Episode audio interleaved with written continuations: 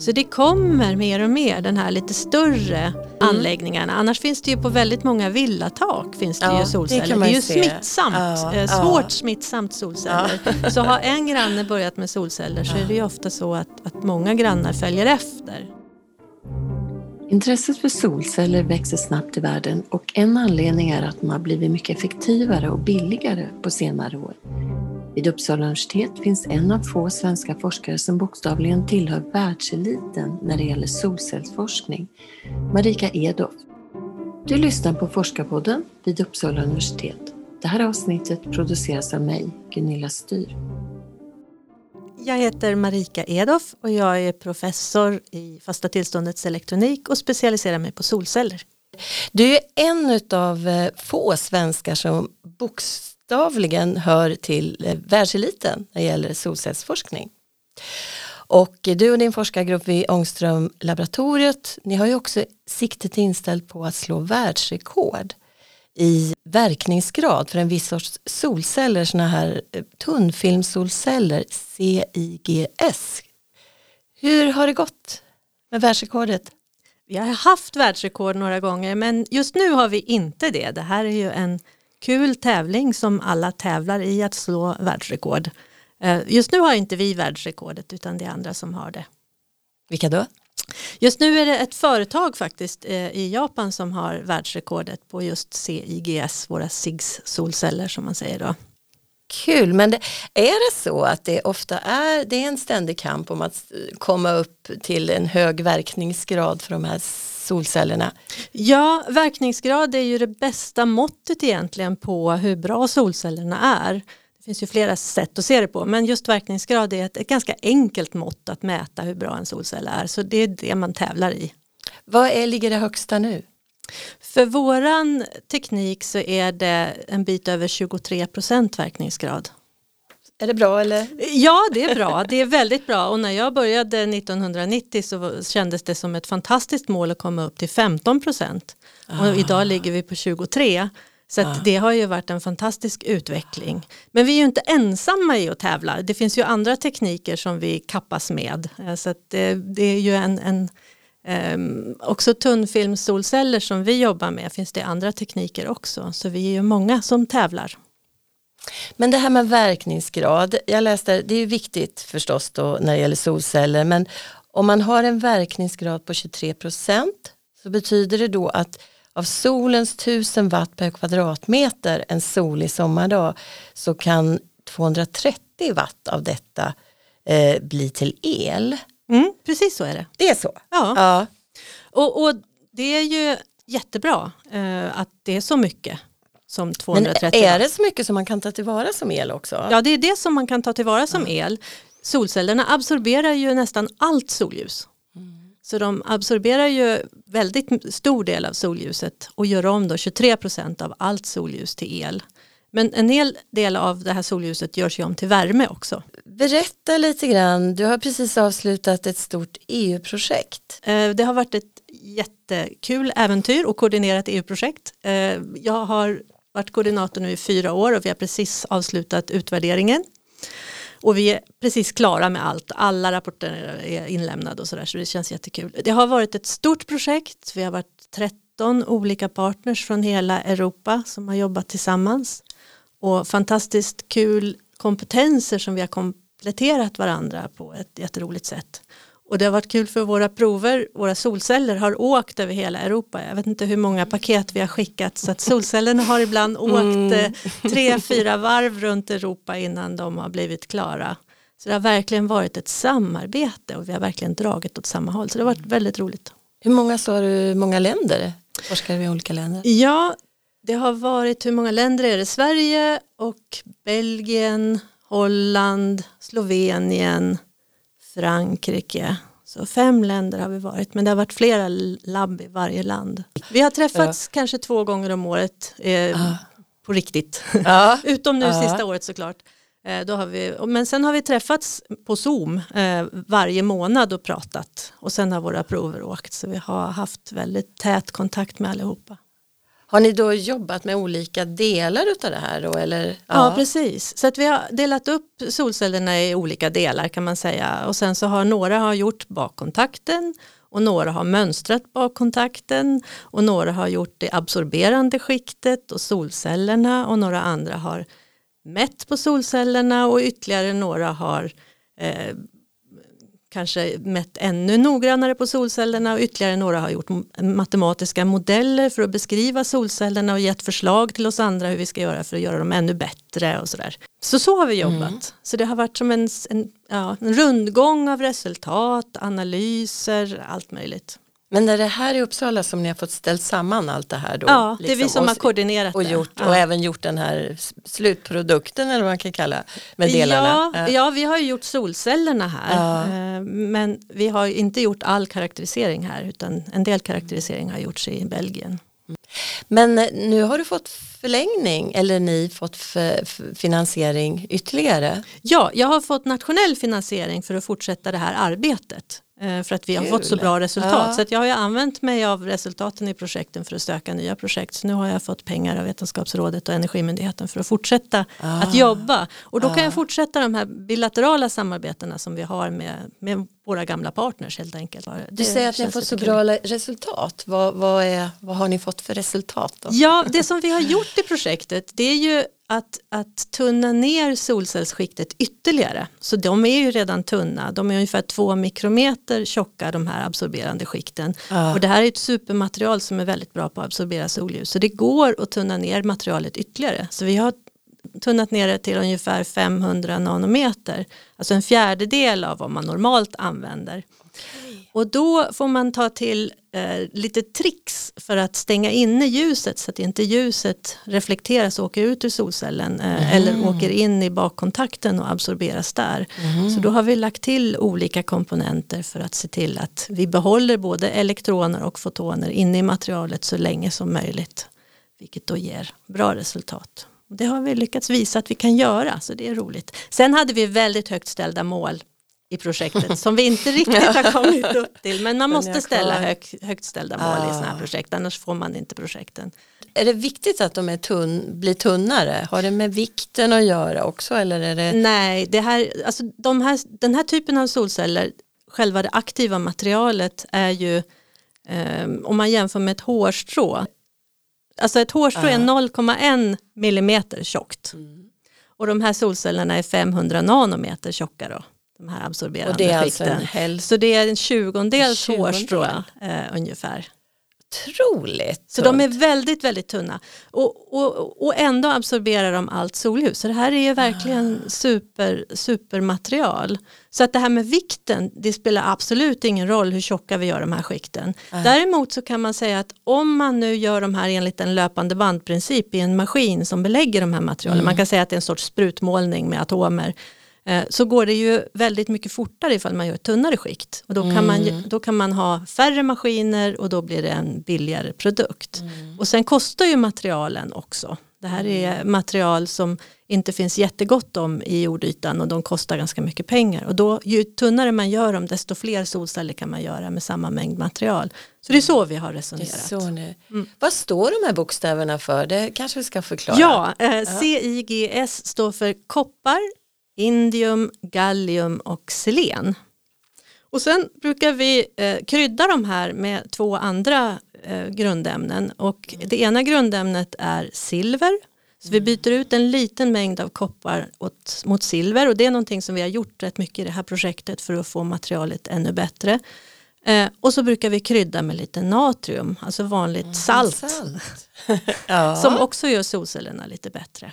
Aha, så det är hela tiden där att hitta nya ämnen, ny, nytt material alltså, ja. eller nya grundämnen eller annat. Ja, och ja. vi gissar ju inte bara. Nej.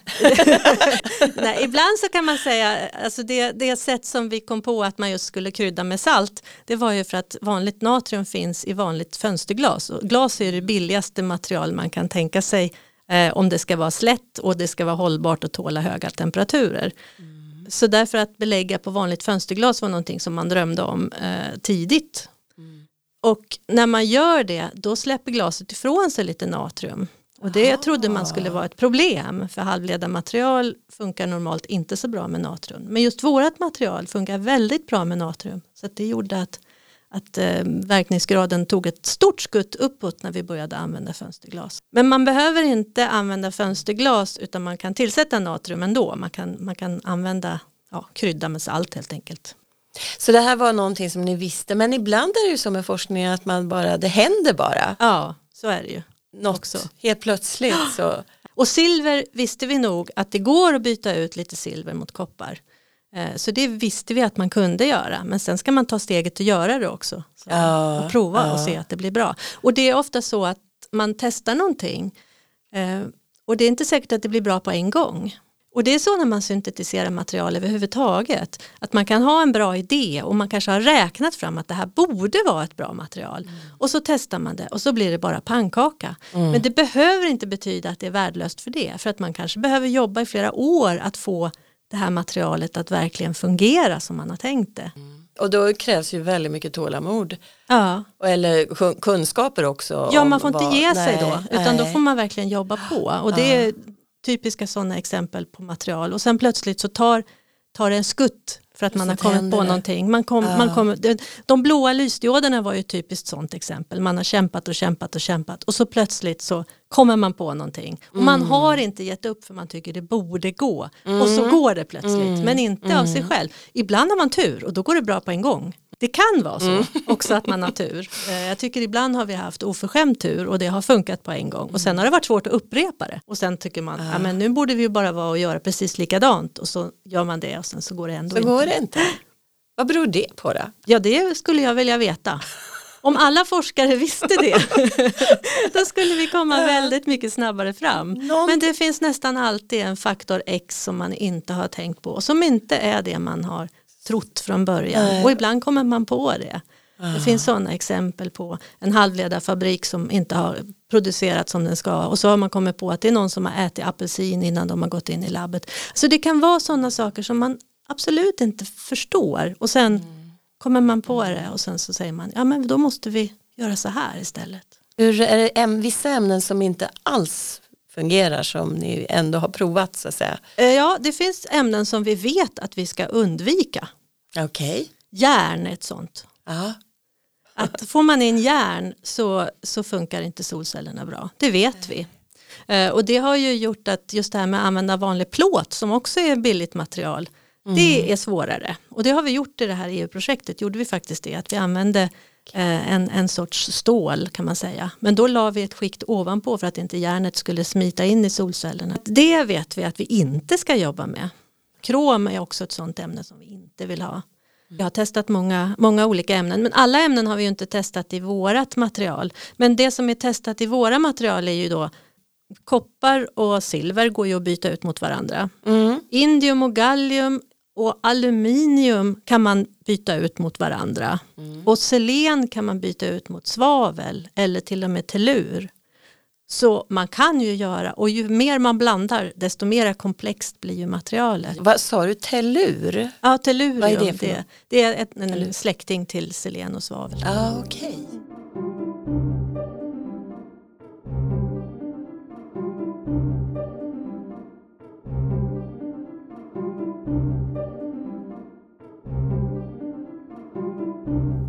Vad finns det fler för olika sorts eh, solceller?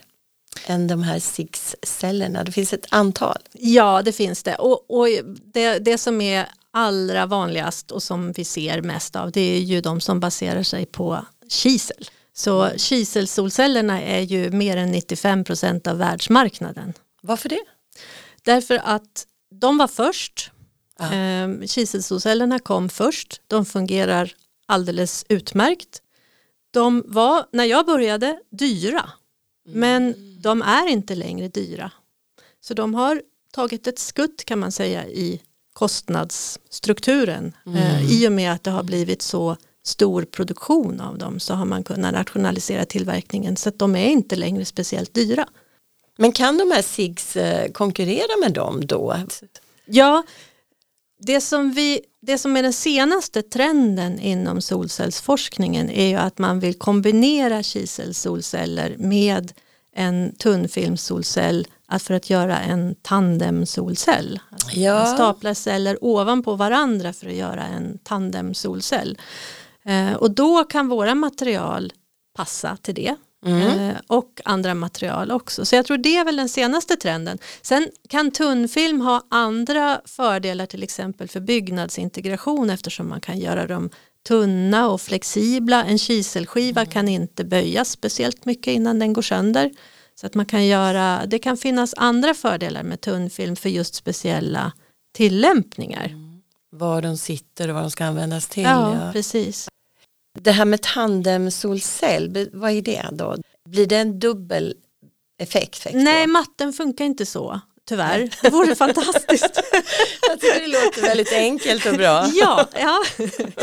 Nej, jag vet inte hur man ska förklara det bäst. Men om man tänker sig att man har en solcell som är 20% som man lägger ovanpå en solcell som har 20% verkningsgrad. Mm. Då är 20 plus 20 ungefär 27. Det är en lite konstig matematik. Mm. Eh, för att om man kopplar dem i serie då får man, kan man plussa ihop spänningarna som är en volt från den övre solcellen och en halv volt från den undre solcellen och sammanlagt får man en och en halv volt. Men man måste ha samma ström genom båda solcellerna. De får dela på solljuset så att de producerar lika mycket ström Okej. och därför blir det inte 20 plus 20 40 utan det blir ofta 27.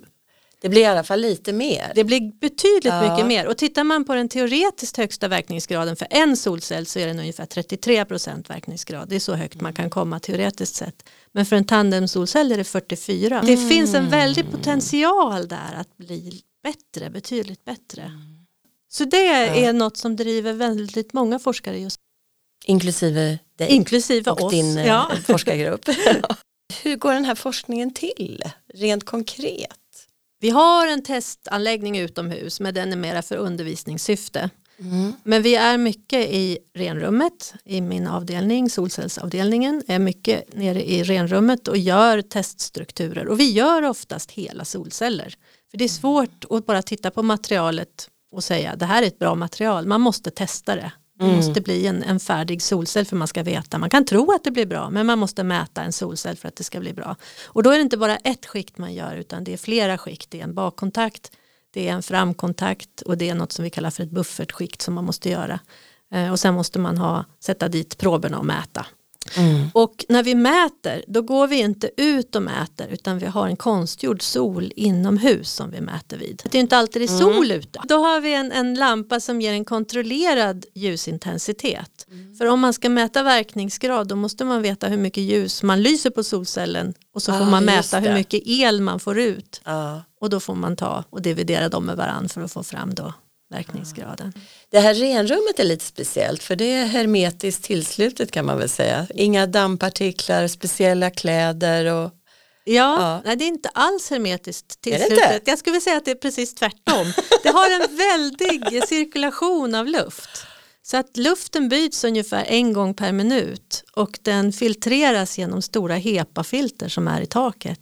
Och så tar man ut den vid golvet så att alla dammpartiklar som är väldigt lätta och virvlar omkring de kommer att få som en hastighetskomponent ner mot golvet och så kan man samla upp dem i golvet. Så att det, är, det är väldigt mm, mycket filtrering av luften och så är det alltid ett litet övertryck där inne.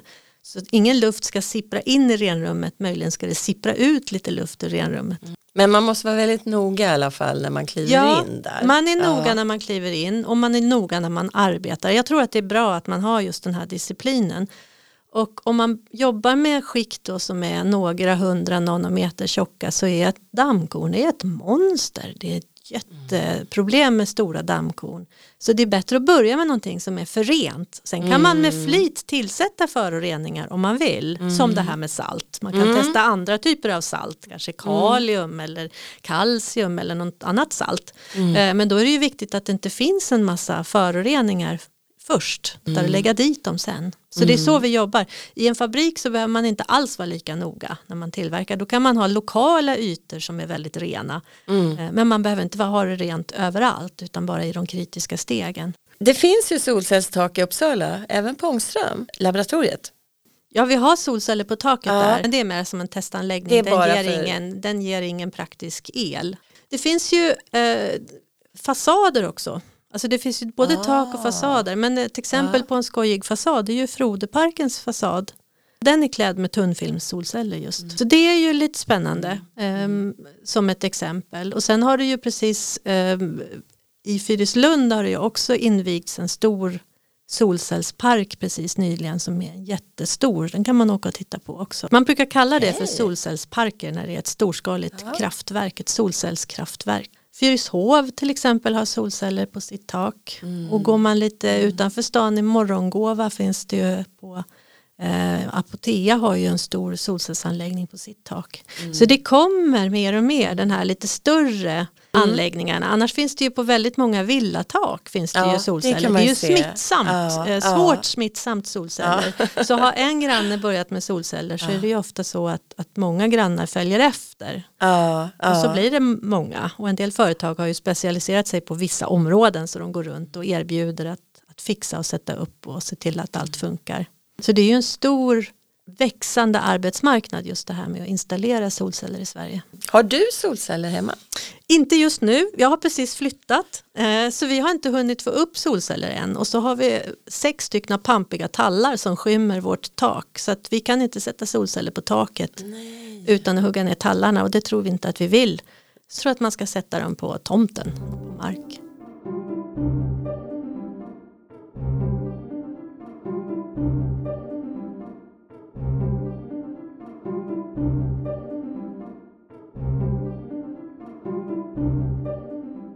Jag läste att solceller lär vara den snabbast växande energiformen, stämmer det? Jag tror att det är den snabbast växande energiformen. Jag törs inte säga om det är den snabbast växande förnybara energiformen. För att jag tror att det byggs fortfarande rätt mycket kolkraftverk i världen. Ehm, Men det är den snabbast växande förnybara energikällan. Och i Sverige också? Nej, det tror jag inte man kan säga att det är i Sverige. Det har liksom blivit lite Jag tror vanligare i vindkraften, alla fall. ja det är mycket mycket vanligare. Ja. Men vindkraften är ju betydligt större i Sverige. Så vi har inte så mycket sol än i Sverige men det växer fort. Mm. Procentuellt kan man nog säga att det ökar mest. Men det ökar från en låg nivå. Så det beror lite på hur man räknar. Men räknar man i antal kilowattimmar så är det inte det. Då är nog vindkraften, det får jag kolla men det, Mm. så är det nog. Mm. Så det är ungefär 0,3 till 0,4 procent av vår el i Sverige kommer från solceller. Ja. Så det är inte mer än så än så länge. Så vi har en enorm potential. Och när solen skiner som mest då, som du sa i början, så 1000 watt per kvadratmeter är ju när solen skiner för fullt. Mm. Men är det molnigt så kanske den skiner med 100 watt per kvadratmeter och Mm. inte 1000 eller 200 watt per kvadratmeter. Och då får man ju Mm. en femtedel eller en tiondel så mycket el. Så, så ser det ju ut, Mm. men de funkar ju alltid. Är det bra med solceller av den anledningen? För att det tar ju plats. Ja, alltså tak har man ju ändå. Ja, det Så där behöver man ju Ja. egentligen ingen extra plats. Nej. Eh, utan där, och det som är Mm. fördelen med hustak är ju också att man har ju redan dragit elledningar till huset Mm. så det är ju väldigt lätt att koppla in. Så att på det viset så är det ju väldigt bra med tak. Jag menar, det är klart att det tar yta men det tar ju alla energiformer och, re- och jämför man med till exempel energiskog så får man ju ut väldigt, väldigt mycket mer el från en solcellspark än vad man skulle få om man odlade energiskog på samma yta. Mm. Och tänker man på ett kärnkraftverk så är det ju inte bara byggnaden kärnkraftverk utan det är ju väldigt mycket yta runt omkring kärnkraftverken där man inte kan bo av säkerhetsskäl. Och räknar man med den ytan och skulle sätta solceller på hela den ytan så skulle man få rätt mycket el också. Så man får nog ta det där i proportion. Och börjar man rita ut, det finns några världskartor man kan titta på, där man ritar ut hur stora fyrkanter av solceller behövs det egentligen om man tittar för att försörja hela världen med kilowattimmar. Och det är svårt att se de fyrkanterna för de är så små så de syns inte på en världskarta. Är det sant? Ja. Och då handlar det om hela världens energiförsörjning. Ja. Så att så stora idag. ytor Ja. är det inte. Man kan, man kan rita in några ytor och det är klart man måste ju rita in ganska många ytor så man slipper forsla el fram och tillbaka. Men sen ska man ju tänka system, man ska ju alltid tänka system. Så man ska ju inte tänka att solceller ska försörja hela världen hela tiden. Utan man ska ju tänka att det finns andra energikällor, förnybara energikällor också. Och där är ju vindkraft också bra. Och vind och sol drar väldigt fint tillsammans. Mm. De har gjort, eh, kollat med folk vad de tycker om solceller och många Ja. tycker att solceller är väldigt, väldigt bra. Det vill man ha mer av. Nej, de är ju inte alls känsliga för, det är ju härdat ja. glas, att Ja. de, är ju väldigt starka på det viset. Testade med de, grymma tester. Eh, Man kastar isbollar på dem och sånt för att testa att de håller. Ja, men på riktigt, det Mm. finns den typen av Mm. standardiserade tester. Så att de håller ju väldigt bra. Men ligger det snö på dem eh, och det är minusgrader så är det inte självklart att snön smälter. Så det, de ger ju inte så mycket el i Sverige på vintern under de månader när vi behöver mycket el. Och det är därför vi inte kan klara oss helt med solceller i Sverige utan vi måste tänka på hela elsystemet och att vi måste ha effekt alla Mm. månader. Men sen har vi det här med lagringen också. Ja, alltså i, i jämförelse med våra vattenkraftsdammar som Mm. också är stora lager av el Mm. och de kan man ju se som enorma batterier så tror jag ju att, att batterierna kommer vi att använda mer för att göra elnätet stabilt men inte för att säsongslagra el mellan sommar och vinter för det krävs så enormt stora batterier för att göra det. Men däremot för att göra elnätet mera stabilt och flytta el några timmar eh, där tror jag att vi kan ha väldigt nytta av batterier. Mm. Och även våra elbilar som vi nu får mer och mer av. Att elbilarna Ja, ja. innehåller ju stora batterier som vi kan använda och kanske när de är uttjänta att vi kan använda dem också i hus. Även Mm. om de inte duger att ha i bilar kan de duga att ha i hus. Så det finns nog mycket att göra där. Hur lätt är det att få ut era forskningsresultat på marknaden? Ja, jag har ju gjort det försöket en gång. Vi har ju varit med och startat företag och det var ju det företaget som då gjorde de här panelerna som sitter på Frodeparken. Ja. Men eh, det är svårt att konkurrera och framförallt i Europa, europeiska företag finns nästan inga kvar nu. Det finns några få. Utan tillverkningen av de här billiga kiselsolcellerna sker i Kina och det är väldigt svårt att konkurrera med Kina Det är det. kostnadsmässigt. Vi har ingen tillverkning på det sättet i Sverige längre. Tyskland Nej. heller. Men i de- Europa, övriga delar av Det Europa? finns, eller? det finns lite grann eh, kisel solcellstillverkning i Norge och det finns liten strimma av tillverkning även i Europa men det är inte mycket som finns i Europa överhuvudtaget utan det mesta sker i Asien. Skulle du vilja att det fanns en tillverkning här i Sverige? Ja, jag tycker det skulle vara fantastiskt kul om vi kunde ha tillverkning i Sverige och i Europa. Jag tror att det är bra för att motivera att vi också forskar i Europa. Om man tittar på arbetstillfällen så är det inte så mycket arbetstillfällen i en storskalig fabrik. Utan de stora mängderna med arbetstillfällen det är ju de som faktiskt monterar upp solceller och, på våra hus och i våra stora solcellsanläggningar. det. Så det är där den stora mängden arbetstillfällen finns. Men jag tror ju att just för att motivera forskningen är det väldigt fördelaktigt att vi har lite tillverkning även i Sverige av solceller. Eller i Europa åtminstone. Mm. Vad är det som driver dig? Jag har ju forskat i 30 år. På Eh, solceller Ja, också? på solceller. Så att jag brinner ju just för solenergi och solceller och det är därför jag började med solceller för att jag tycker att det är ett sånt fantastiskt sätt att, att, att generera el och, och så. Och det har det ju varit från början. Så att det är det som driver mig. Mm. Och det som driver många på min avdelning också, att man vill göra en insats för eh, ja, klimatet och, och Mm. för allting och så har det nog varit från början. Miljövänlig tillverkning av solceller är väl också en del i det hela att man hittar material som är miljövänliga. Mm. Mm. Jo, det är en jätteviktig aspekt och just det här med koldioxidavtrycket av olika tekniker. För där kan man ju också säga att om man skulle tillverka solceller med solkraft eller vattenkraft eller en förnybar el så är det ju bättre att man gör det än att man tillverkar dem med kolkraft.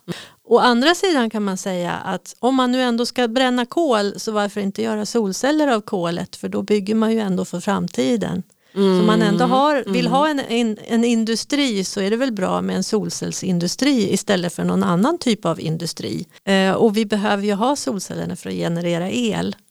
Eh, och de betalar tillbaka sig energimässigt. Men det finns en, en inneboende konflikt i det här och att det skulle vara bättre att tillverka solcellerna av solenergi, så är det ju. Det finns Ja. ett stort eh, intresse i forskarvärlden för solceller av alla olika typer och att förstå de här komplexa materialen. Det finns ett stort, stort intresse för det. Men jag tänker om nu Asien, där finns företag, har, Har vi i Europa möjligheten att, att samarbeta med de företagen eller tar de sin egen forskning så att säga, för att utveckla det här? Det är en bra fråga. Jag, jag, tror att det finns, det finns ganska mycket forskningsutbyte mellan europeiska forskare och kinesiska forskare. Och det mm. finns också duktiga kinesiska forskare som åker till Europa och till Australien och till olika ställen där man har bra forskning. Så det finns absolut mm. ett, ett utbyte av kunskap. Men mycket av utvecklingen sker ju inom ramen för företagen själva också. Där finns det också forskning, ja. Oh ja, oh ja. Och det är, ju därför, det är ju därför det inte är så konstigt egentligen att när man har världsrekord så finns de också världsrekord på företag därför att de lägger ner mycket pengar på att forska också. Det var inte riktigt så när, när vi började med den här forskningen. Då var Nej. väldigt mycket, stor del av, av, forskningen skedde på universiteten och det var de som drev utvecklingen. Men, men eh, nu är det ju också en hel del forskning som sker på företag. Det finns flera sådana exempel på riktigt stora företag som, som forskar mycket.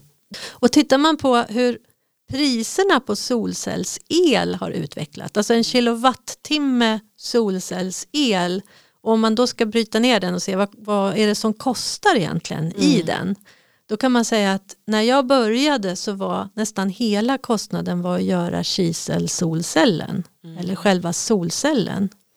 Men i och med att priserna har gått ner så mycket så är det en väldigt stor del nu som är i själva monteringen och som är Nej. och tittar man på själva solcellsmodulen så ser man att det som driver kostnaden neråt nu är inte att materialen blir billigare utan att det är att solcellerna blir effektivare. Mm. Så det är det som driver mycket av den här kostnadsreduktionen som man ser. Mm. är att solcellerna faktiskt blir effektivare. För att om de blir 50% mer effektiva så är det ju en, en, behövs ju en mindre yta. Allting blir billigare när man mm. har effektivare solceller. Och det är det som driver just det här med verkningsgradsutvecklingen. Så för att komma långt ner ytterligare så behöver man ta ett tekniksprång. Mm. Och det är där den här tandemforskningen kommer in. Mm. Att det finns en möjlighet att ta ett nytt tekniksprång. Vad ser du som de största utmaningarna? Nej, men det är väl att lyckas med det här tekniksprånget då. Att komma upp i bra verkningsgrad för tandemsolceller och att de blir lika stabila som kiselsolcellerna är idag.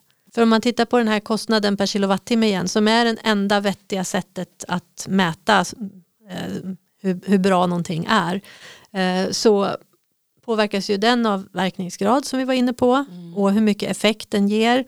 Men den påverkas ju också kostnaden av hur många år en solcellsanläggning håller. Ja men precis. Så håller den bara intressant. 10 år eller håller den ja. 50 år, det är en väldigt stor skillnad och den kommer ju att slå hårt på kostnaden per kilowattimme. Ja.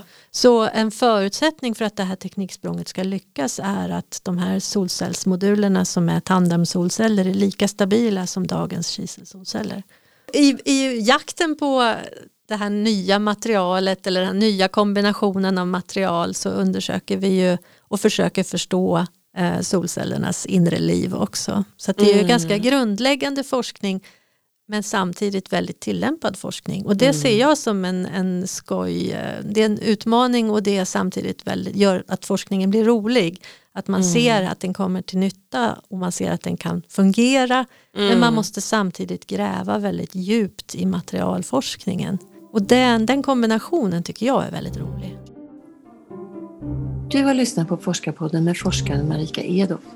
Följ oss på iTunes eller i andra poddläsare Kontakta oss gärna i sociala medier på hashtag forskarpodden eller på universitetets webbsida uu.se forskarpodden. Jag heter Gunilla Styr och Forskarpodden produceras av Uppsala universitet med musik av Marcus Sjöblom.